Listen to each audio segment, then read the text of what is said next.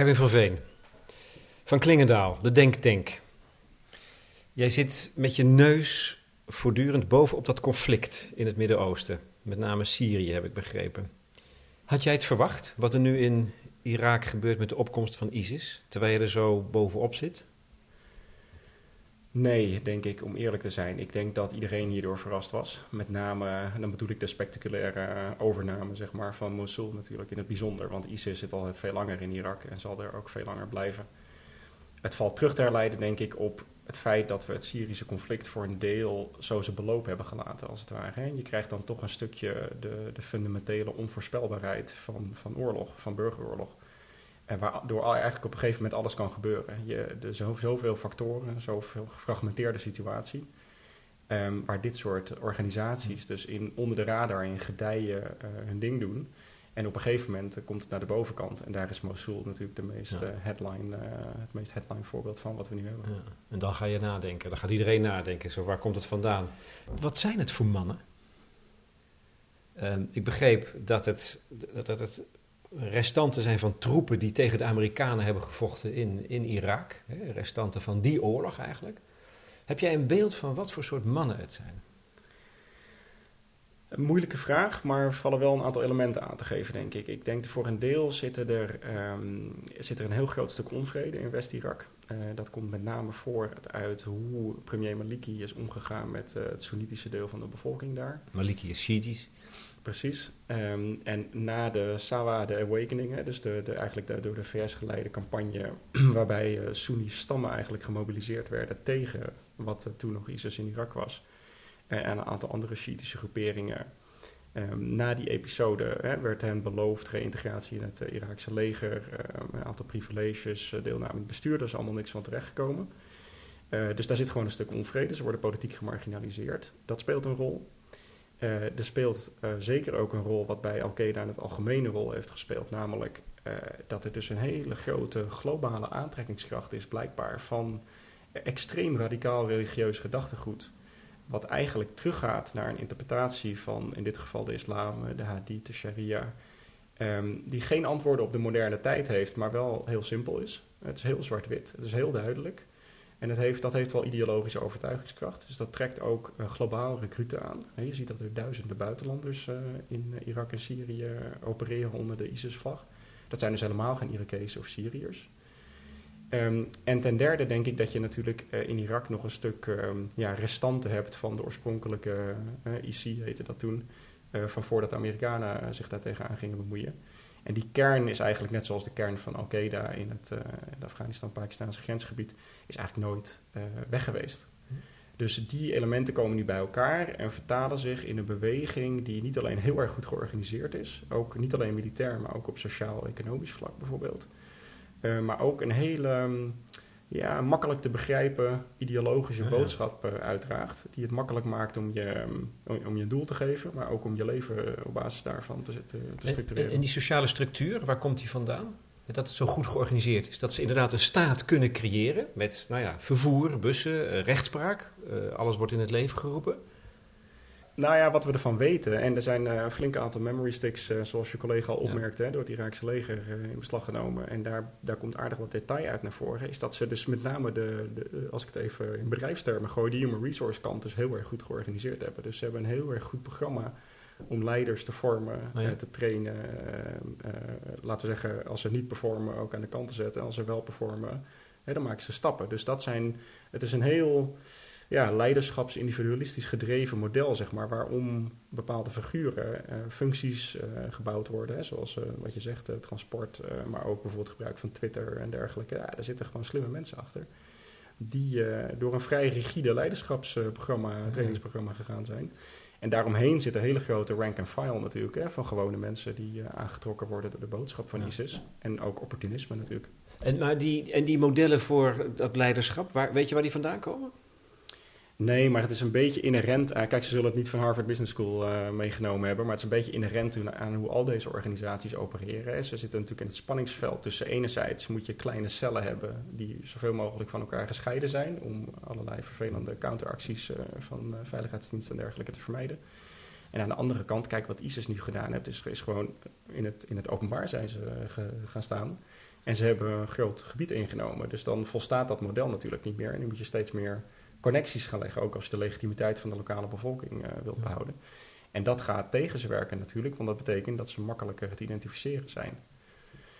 Eh, hoe ze daarmee om zullen gaan in de toekomst, ehm, ik weet het niet. Maar eh, kijk, het gaat wat ver om te zeggen dat ze nu echt een staat runnen. Ze, ze, ze leveren een aantal zeg maar, flankerende diensten aan wat natuurlijk in, in feite het, ja, een soort van uh, embryonale vorm van bestuur en veiligheid is. Heel rudimentair die ze in die gebieden leveren. En de reden dat iedereen daar zo blij mee is, is omdat het voordat ze dat deden nog slechter was. Want dat, dat is cruciaal, denk ik, hè, als ze stappen verder willen zetten. De steun van de lokale bevolking, daar in West-Irak. Krijgen ze die, denk jij?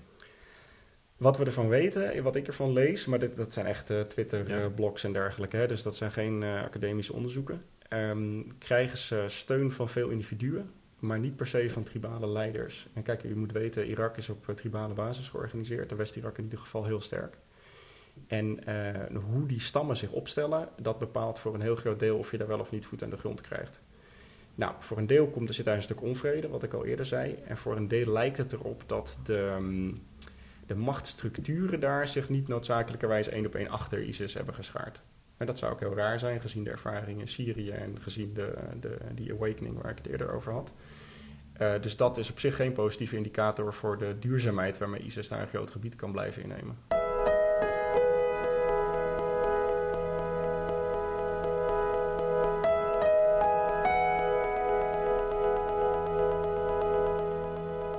Kijk, ik denk dat deze stunt van ISIS is natuurlijk uh, ja, geweldig propaganda. Het trekt ongetwijfeld geld aan, het trekt mensen aan. Maar het gaat ook tegenkrachten oproepen uh, in de regio. En dat is voor een deel denk ik precies waarom ze het gedaan hebben. want niet zou ISIS natuurlijk beter in de kaart spelen dan dat er nu een enorme Shiïtische mobilisatie plaatsvindt in, uh, in Irak. Onder Maliki en een aantal andere groepen. En daardoor wordt het echt een Sunni-Shia conflict. Hè, of niet zou ze ook beter in de kaart spelen dan dat westerse landen nu voorop zouden staan in, het, uh, in de, in de counterreactie. Boots on the ground, dat soort verhalen hoor je nu. Dat zou ze allemaal geweldig in de kaart spelen, want dat versterkt hun, verhaal. Um, dus dat is een hele belangrijke factor, denk ik, in de vraag of ze daar uh, voet aan de grond zullen houden. En de andere is wat ik al zei, die tribale component van West-Irak. En daar ben ik heel erg benieuwd of ze gaan leren van de ervaring van Syrië. Want dat is voor een deel, Oost-Syrië is dezelfde soort structuur als ik het vlak sla. En daar hebben ze het ontzettend verbruikt. Hè, door, door zo radicaal op te treden daar. Um, uh, executies, uh, folteringen, verplichten van, van ja, goed, de Syrische bevolking op het platteland is wat conservatiever natuurlijk, maar dat haalt het niet bij het conservatisme van, van ISIS. Dat kreeg gewoon geen populaire respons. Sterker nog, dat heeft tot een enorme counterreactie geleid, al wat je collega ook beschreef in zijn artikel. Waardoor ze eigenlijk uit grote delen van Oost-Syrië er gewoon uitgezet zijn. Met geweld, hè, dan wel te verstaan. Dus ik ben benieuwd of ze erin slagen om die les, als het ware, te vertalen in een gematigder optreden in Irak. Het is een terroristische organisatie. Terreur heeft al, alleen als doel ontwrichten. Ik kan dat niet goed rijmen met het idee dat ze daar een soort staat, een eigen staat aan het creëren zijn. Um, hoe zie jij dat? Is dat alleen maar een, een, een, dekmantel om precies zoveel mogelijk tegenkrachten te provoceren? Of willen ze echt een, uh, daar een eigen land maken? Mm. Ik denk dat het. Maar goed, dit gaat vrij diep in op hun uh, psychologie als het ja. ware. Hè? En oh ja, strategie dus zou ik zeggen. Ook. Ja, dus, dus ik kan daar wat schoten voor de boeg geven. Kijk, ik zou zeggen, um, terreur is een middel om die staat in het leven te roepen. Uh, in hun optiek waarschijnlijk. En dat is natuurlijk omdat het asymmetrisch is, omdat ze op asymmetrische oorlogvoering op een, op symmetrische manier van geweld gebruiken, hebben ze geen schijn van kans. Dus dat gaat allemaal onder de radar. En ze ontwrichten, ze zaaien angst, ze zaaien paniek. En dat zie je ook. Uh, u zei zo even, iedereen begint na te denken nu. Ik zou zeggen, iedereen raakt in paniek. Hè? We hadden ja. al veel eerder moeten beginnen met nadenken. Maar als je kijkt naar de omvang van zo'n club als ISIS, ik bedoel, de schattingen zijn natuurlijk uh, zeer onbetrouwbaar, maar ergens tussen de 8.000 en 15.000 zullen we ongeveer goed zitten. Het worden er met de dag meer natuurlijk. Um, dat is klein. als je hebt een enorme impact op social media, maar er zijn interessante analyses al beschikbaar over hoe ze dat in feite uh, playen. dus hoe ze daar hun gewoon georganiseerde hashtag campaigns hebben en dat soort zaken. Waardoor ze veel groter lijken dan dat ze zijn. Dus met andere woorden, het is ook een beetje, en ze proberen een schaduw te creëren die groter is dan, dan wat ze eigenlijk zijn. En ondertussen raakt de rest van de wereld in paniek. En het mooiste zou natuurlijk zijn als op basis van die paniek, hè, zoals Obama dat in West Point zei, uh, don't do stupid stuff, hè, als er dus wel domme dingen gedaan worden, die een soort van overreactie. In plaats van wat vertrouwen te hebben, wat meer vertrouwen in ieder geval in de lokale tegenkrachten die dit gaat oproepen. Ja, De Koerden in het uh, noorden en het noordoosten, wat ik al zei, die tribale structuren. Uh, Turkije begint zich langzaam natuurlijk ook achter de oren te krabben van, goh, um, moeten we niet wat voorzichtiger gaan opereren in dit gebied. En dat soort krachten, denk ik, hebben veel meer potentie om, om deze beweging, ehm, eh, laten we zeggen, in de touwen te houden dan, dan alles wat Maliki of de VS zou kunnen doen. Domste zou zijn bombarderen. Het wordt gesuggereerd, hè? het wordt gevraagd. Ach, het, domste, weet je, als, als ISIS uh, zo onverstandig zou zijn om dit op een soort van uh, een oorlog met frontlinies aan te laten komen, dan zou bombarderen misschien zinvol kunnen zijn als een soort van afschrikwekkend uh, effect. Maar goed, we weten van Afghanistan en andere plekken wat voor enorme counterproductieve effecten dat heeft als je dat doet in, in asymmetrische conflicten waar dus heel veel burgerslachtoffers bij vallen. En dat zou precies juist die steun van uh, die ontevreden Soenitische groepen in West-Irak uh, ja. verder kunnen versterken en ze in de armen van ISIS drijven. Daar moet je erg voorzichtig mee zijn, denk ik. Heb jij nou nog een verklaring voor het feit dat deze specifieke beweging zo extreem gewelddadig is?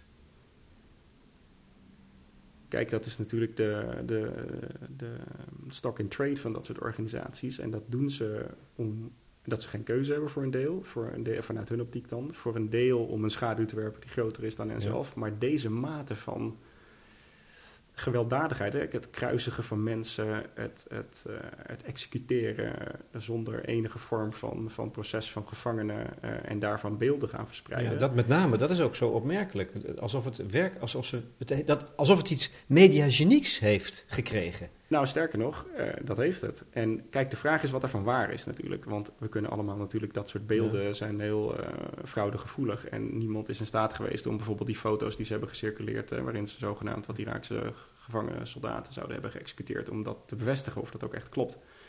Dus de, de, het kan zijn dat het een hele bewuste strategie is om tegenkrachten op te roepen... waarvan ze denken dat ze die uiteindelijk ten goede gaan komen. Hun eigen positie te versterken. Als dat niet zo is, uh, dan denk ik dat we te maken hebben met een groep uh, die in ieder geval een harde kern heeft, die er heilig van overtuigd is dat waar ze dus in geloven, dus daadwerkelijk alle middelen uh, ja. rechtvaardigt. En dat gaat dan twee stappen verder dan Al-Qaeda zelf. Um, ja, kijk, als dat zo is, dan, dan zal er uiteindelijk geen keuze zijn dan te, te proberen die kern te elimineren en alles wat er omheen zit zoveel mogelijk in te perken. Je zei net, Erwin, Eigenlijk hoop je op tegenkrachten die regionaal zijn, die uit de streek zelf komen. Ik las in The Guardian een analyse die erop neerkomt dat, uh, dat dit eigenlijk de rekening is die met name de Amerikanen, maar ook de Britten, uh, gepresenteerd krijgen voor het beleid dat ze zelf jarenlang gevoerd hebben. Namelijk een soort verdeel- en heersstrategie, groepen tegen elkaar uitspelen, zelfs, zelfs groepen die met elkaar in gevecht zijn, allebei steunen en bewapenen. En waar is hij op gericht? Om het, uh, de toegang tot de oliebronnen te, te bewaren. Hm. Wat vind jij van die analyse? Want dan zou het een beetje hè, nogal, nogal cynisch zijn om te zeggen: wij hebben eigenlijk die, die problemen daar veroorzaakt, of in ieder geval mede in de hand gewerkt. En vervolgens mogen zij het nu zelf gaan oplossen. Ja, ja, ja dat is een uitstekende vraag ik ben wat minder overtuigd uh, van die analyse. Niet dat er geen waarheid in die factor zit, maar wel dat ik denk dat dat de boel een beetje vlak slaat. En dat komt omdat er zeker drie andere invloeden ook huh. voor, voor mijn okay. gevoel een grote rol hebben gespeeld. En als ik ze even heel kort vermeld. Eén is natuurlijk het conflict in, in Syrië. Ik bedoel, iedereen heeft dat ze beloop gelaten. En als ik zeg iedereen, dan bedoel ik niet alleen het Westen, maar ook de Golfstaten en een aantal andere landen. Ja. En met uitzondering natuurlijk van de evidente uh, supporters van uh, Bassad en uh, compagnie. Um, daardoor heeft ISIS mede uh, zo groot kunnen worden. Oost-Syrië is natuurlijk een totale ja, geen chaos, maar dat is natuurlijk recht, vrede, veiligheid zegt daar helemaal niets. Dus groepen als ISIS kunnen daar welig tieren. Ik denk dat de tweede factor die een hele grote rol speelt hier is het feit dat Saudi-Arabië natuurlijk al decennia lang radicaal salafisme stimuleert. en tot op zekere hoogte financieel ondersteunt en zelfs exporteert. Radicaal salafisme? Uh, ja, dus zeg maar de, mm, ja, de, eigenlijk de, de soort overtuiging die ISIS uh, aanhangt. Dus een, een vrij radicaal conservatieve interpretatie van de islam. Um, met daarbij um, wat extreme denkbeelden over welke middelen zijn toegestaan om, om uh, dat soort doelstellingen te realiseren. En daar hebben we natuurlijk zat voorbeelden van. Saudi-Arabië heeft een deel van de Mujahideen in Afghanistan gesteund in 1979 in de, tijdens de Russische invasie. Je hebt de Irak-Iran-oorlog, waar uh, Saudi-Arabië miljarden heeft gestoken in het ondersteunen van Saddam Hussein. En ook radicaal salafisme heeft aangewakkerd als tegenkracht tegen hè, de Iraanse doctrine die, die meer op Shiïtische leest geschroeid is. Uh, we zien nu hetzelfde fenomeen in Libanon en Syrië. Dus met andere woorden, um, wat er vanuit Saudi-Arabië gepredikt is, financieel ondersteund, misschien politiek zelfs afgezegend, eh, in termen van het opbouwen van dat gedachtegoed, waar vervolgens Al-Qaeda en ISIS en nu hun voordeel mee doen, als ik het zo mag zeggen. Dat valt zeker niet alleen maar aan de Amerikanen eh, hmm. eh, toe te rekenen. En de derde factor is natuurlijk, kijk, Maliki is natuurlijk voor een deel een, een, een persoon die voortkomt uit de, de VS-VK-bezetting van Irak, als ik het zo mag noemen. Maar de politiek die hij gevoerd heeft, is natuurlijk eentje van uitsluiting en marginalisatie geweest. Uh, van Soenieten en, en, voor een deel ook van de Koerden. Nou zijn de Koerden een stuk sterker en beter georganiseerd, dus dat is niet zo goed gelukt. Maar voor de Soenieten is dat een ander verhaal. En die paar jaar, hè, sinds de Amerikanen daar weg zijn, heeft ook een erg grote rol gespeeld. Dus ik denk dat we die factoren wat meer in samenhang met elkaar okay. moeten zien. Ja, maar dan is het toch zo dat Amerika doelbewust wel een soort strategie en politiek heeft gevoerd in dat spanningsveld dat er sowieso al lag, waarvan ze natuurlijk donders goed wisten eh, wie de spelers waren en wat de invloeden waren. Dus ze zijn daar wel mee doorgegaan. En, en het, eh, een ander stuk van, uh, van Rob Wijnberg bij de correspondent. Er zijn grote multinationals die nu die olievelden leegpompen voor miljarden uh, contracten, zonder dat de Iraakse bevolking daar direct van profiteert. Ja, kijk, ik denk dat de, de, de verdeel- en heerspolitiek in een multi-etnische staat zoals Irak, hè, met Soenieten, Shiiten, Koerden en nog een aantal andere groepen, dat, die is natuurlijk al zo oud als de weg naar Rome. Hè. Daar deed Saddam Hussein ook vrolijk aan mee. Er zijn, hij heeft gruwelijke campagnes gevoerd tegen de Koerden, eh, in het zuiden tegen de Shiiten. Dat gebeurde voor zijn tijd ook. Eh, dus in die zin hebben de Amerikanen daar een, een, ehm, een, eh, ja, een palet aan ervaringen aangeboord en verder uitgebreid. Nou ja, het, is wel een mooi voorbeeld om Saddam Hussein dan als voorbeeld te, te gebruiken. Nou ja, niet, als, niet in navolging van, maar wel het feit dat in Irak natuurlijk al lang gekenmerkt wordt door dat soort spanningen. En kijk, de Amerikanen zaten daar op een gegeven moment met veel um, militairen on the ground en, en hadden gewoon een burgeroorlog aan hun handen. Dus wat hebben die gedaan? Die hebben geprobeerd die te winnen. En daar hebben ze een deel van de bevolking uh, voor ingeschakeld. Uh, en betaald hè, om, uh, om on their behalf um, vervelende dingen te doen. Dus dat valt ze wel degelijk voor een deel aan te rekenen. Kijk, hoe dat voorkomen had moeten worden is weer een andere vraag. En dan zijn we terug op dingen als het feit dat die Coalition Professional Authority geen reconstructieplan had. Uh, het de leger en politie en de, iedereen die lid was van de baatpartij gelijk de deur uitgestuurd ja. heeft toen ze daar binnenkwamen. Met totale chaos als gevolg. Waar, en dat is het, het refrein, denk ik, van, van Syrië, Irak en een aantal andere plekken zodra je dat soort chaos organiseert, worden de effecten onvoorspelbaar. daar hebben dus mensen met, met agenda's en geld en macht, krijgen dan alle ruimte om, om te doen wat ze denken dat ze moeten doen. En daar zitten meestal criminele, terroristische en andere marginaliserende consequenties aan vast.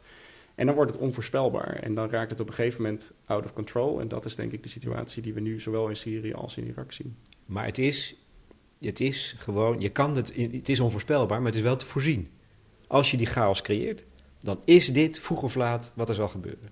Ja, dat weet je in feite. Ja. ja, ik denk dat dat een goed punt is. Ik bedoel, je weet dat als je zo, dat weten we nu in ieder geval, dat als je er zo slecht voorbereid instapt en eigenlijk dus niet nadenkt over wat gebeurt er na het relatief makkelijke gebruik van geweld. Um, zei dat ook in de morgen een paar dagen geleden, geloof ik. En dus die, die de wederopbouw uh, inspanning onderschat.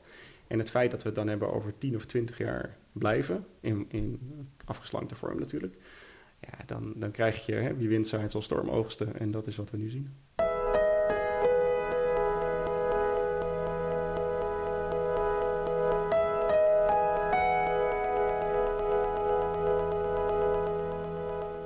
Een belangrijke kwestie ehm, is iets wat er steeds genoemd wordt. Uh, iedereen heeft voortdurend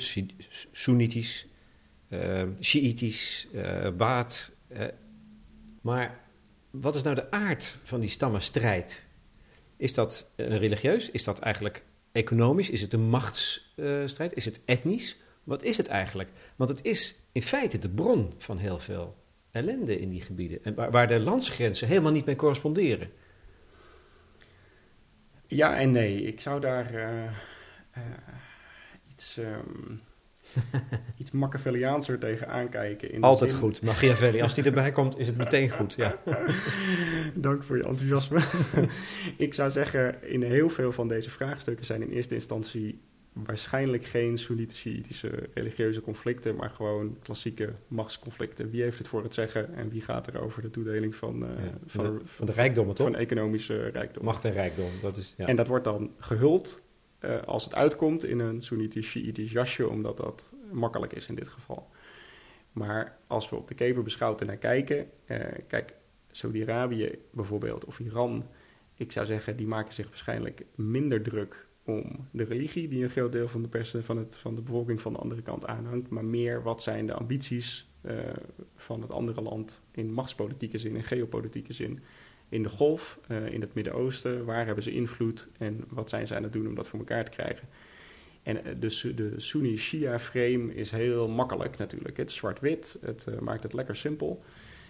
maar het klopt op heel veel punten niet. Het is een, een makkelijke framing, het is een luie framing ook. De vraag die zich natuurlijk voordoet is hoe vaak moet je hem herhalen voordat mensen het gaan geloven? En als mensen het gaan geloven, krijgt het dan een dynamiek van zichzelf. En dat is denk ik waar we bang voor moeten zijn. Uh, als je kijkt naar, naar Syrië en Irak, zijn de, de meeste, uh, laten we zeggen, gelovige aanhangers van de islam, zijn relatief gematigd. Hè? Dat, het is geen regio waar hele, met een lange geschiedenis van allerlei radicale bewegingen. Um, dus dat wil zeggen dat dit niet de dominante um, variabele was. Hè? Dat wordt het nu zo langzamerhand wel. Waar, waar gaat het de, de, de Soenieten in West-Irak om? Gaat het hen om dat ze Soenieten zijn en dat ze als zodanig erkend willen worden? Voor een deel ongetwijfeld, maar waar het voor een groot deel waarschijnlijk om gaat, is in welke mate worden ze betrokken bij het landelijk bestuur? Hebben ze genoeg te zeggen over ja. de gemeenschappen waarin ze wonen? Krijgen ze een redelijk deel van de olieopbrengsten? Dat soort vragen. En dat heeft niet zoveel te maken met of het Soenieten zijn of iets anders. Dat heeft ermee te maken dat inwoners van Irak zijn en dat ze lid zijn uh, ja. van, de, van de nazistaat uh, die onder die, die, naam door de wereld gaat. Um, misschien nog een rondje maken langs de grenzen. Uh, perspectief van Saoedi-Arabië. Een van de belangrijkste spelers, denk ik daar. Een van de machtigste. Kan niet genoeg benadrukt worden, denk ik. Zijn ze blij nu met wat daar gebeurt? Ik denk dat ze zich ernstig zorgen maken. En dat komt omdat dit soort groepen uh, ook uh, grote bezwaren hebben tegen um, hoe Saudi-Arabië bestuurd wordt. Hè. Dat klopt ook niet met hun ideologie. Het is geen kalifaat van de, de orde die zij nastreven. En wat we in Saudi-Arabië natuurlijk al decennia lang zien, is een soort van um, verstandshuwelijk tussen het, huis van Saud en de, en de geestelijkheid. Het, is, het, doet een beetje middeleeuws aan in de zin van de, de invloed en de, de, de taakverdeling die ze hebben. Um, en dat is natuurlijk in feite een soort van klerikale autocratie uh, waar we het daarover hebben. Klerikale autocratie? Dus, dus dat, wat bedoel je daar precies mee? Nou ja, het is in feite natuurlijk een... Dat de eh, geestelijkheid de macht heeft? Of? Het is een monarchie hè, die ja. op tribale leest geschoeid... die een verstandshuwelijk heeft met ja. de geestelijkheid. Ja. Uh, en de deal is een beetje... Uh, het huis van Saud krijgt legitimiteit vanuit het Wahhabisme... dus de, de, de stroming van het salafisme die daar gepropageerd wordt... Wat zorgt voor een hele hoge mate van sociale acceptatie en het, het, het onderdrukken eigenlijk van alle sociale invloeden die tegen de rol van de heerser in zouden kunnen gaan. En in ruil daarvoor heeft de geestelijkheid eigenlijk carte blanche op uh, sociaal-educatief uh, gebied. Nou, dat is een beetje de deal. Het buitenlands beleid wordt natuurlijk door het Huis van Zout gedaan. Um, dus als je dan kijkt, hè, ik denk dat Saudi-Arabië zich zorgen maakt. Dat ze de term blowback, die je de laatste tijd natuurlijk steeds meer hoort, dat dat ook wel um, in neonletters, neonletters in Riyadh aan het, aan het knipperen is. En dat ze zich afvragen van, wat, wat moeten we hier nou mee? Hè, want wat, wat zijn de goede antwoorden? Zijn er goede antwoorden? En daar is een van de grote vragen of ze over de relatie, of het gebrek aan een relatie beter gezegd, met Iran heen kunnen stappen.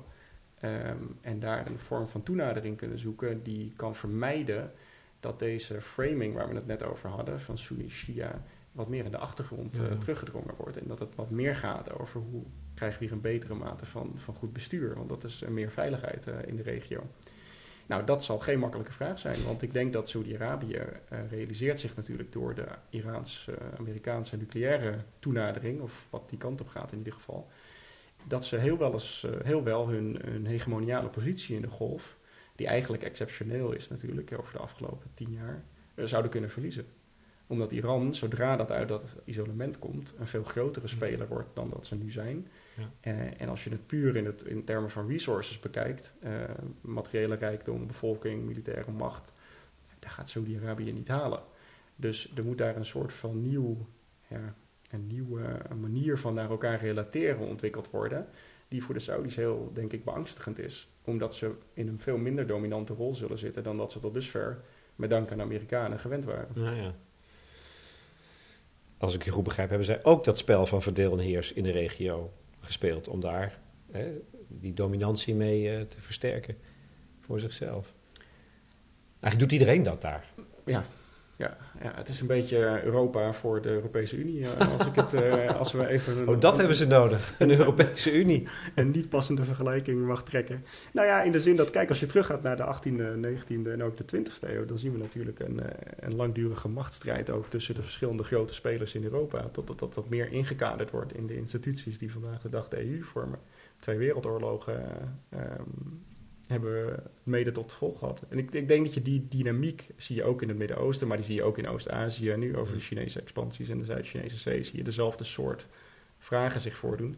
Het Midden-Oosten is veel ingewikkelder, omdat je daar veel van dit soort non-statelijke groepen hebt, zoals ISIS. En ze zijn natuurlijk niet de enige, die het speelveld gewoon heel complex maken en heel intransparant.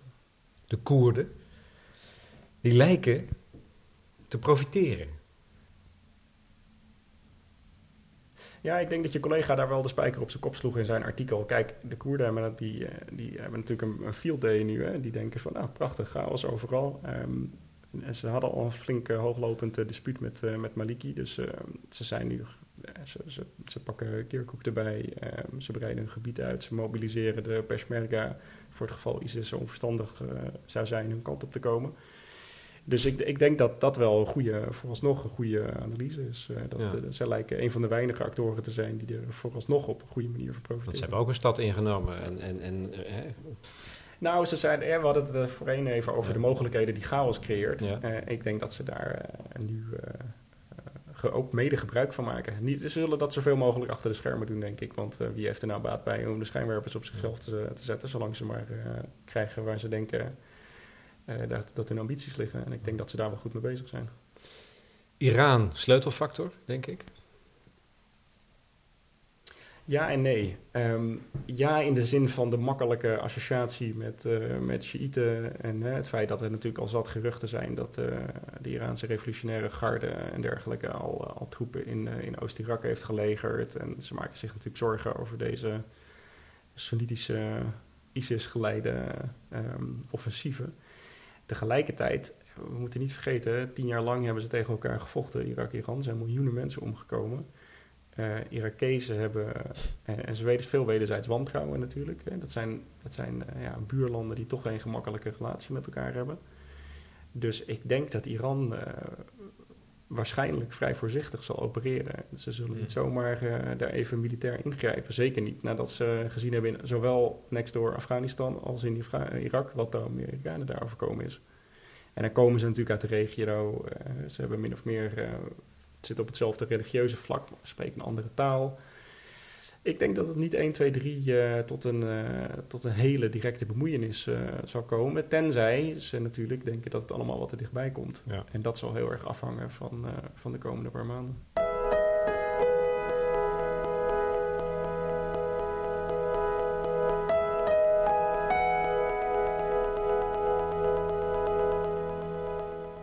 Kijk, als u zo even bijna impliceerde dat willen we stabiliteit in de regio, dan zullen we toch meer moeten doen.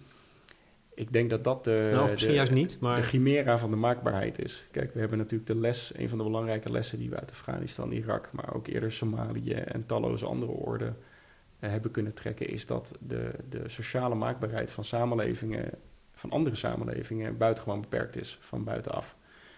Dus met andere woorden, het zal voor een groot deel toch uit krachten uh, in die landen en in die regio moeten komen. Hoe vervelend dat ook mogen zijn. Want kijk, we zien een enorm probleem. We denken, we moeten daar wat aan doen. En het makkelijkste is natuurlijk de vlucht naar voren dan. Hè? Dan zijn we lekker in actie, dat ziet er goed uit, dat scoort politiek. Maar of we dan ook de verstandige dingen doen, is, is zeer twijfelachtig. En wat ik al zei, als we, als we een aantal dingen willen doen die een verschil kunnen maken, ja, zijn dat dingen die eerder op middellange termijn een verschil maken. Hè? Zoals die relatie Saudi-Arabië, Iran. Maar je kunt ook kijken naar van hoe voorkomen we dat dit geweld nog verder uitslaat. Hè? Libanon, Jordanië, het zijn allemaal uh, potentiële um, ja, um, slachtoffers, onrust, brandhaarden die, uh, waar die kunnen ook exploderen, verder zou ja, kunnen besmetten. Ja. Precies. En dan krijg je een, een mini-wereldoorlog. Nou, dan denk ik dat je een steeds grotere zone krijgt in het Midden-Oosten, waar, waar het vrij chaotisch uh, eraan toe gaat. Hè? Dus waar staten, criminele organisaties, terroristische organisaties met elkaar concurreren om, om macht en invloed. En dat is eigenlijk wat er natuurlijk nu al aan de gang is. Ja. En de uitkomst daarvan is nog grotere onvoorspelbaarheid. Ja, dus het is in ons belang om dat uh, in de perken te houden.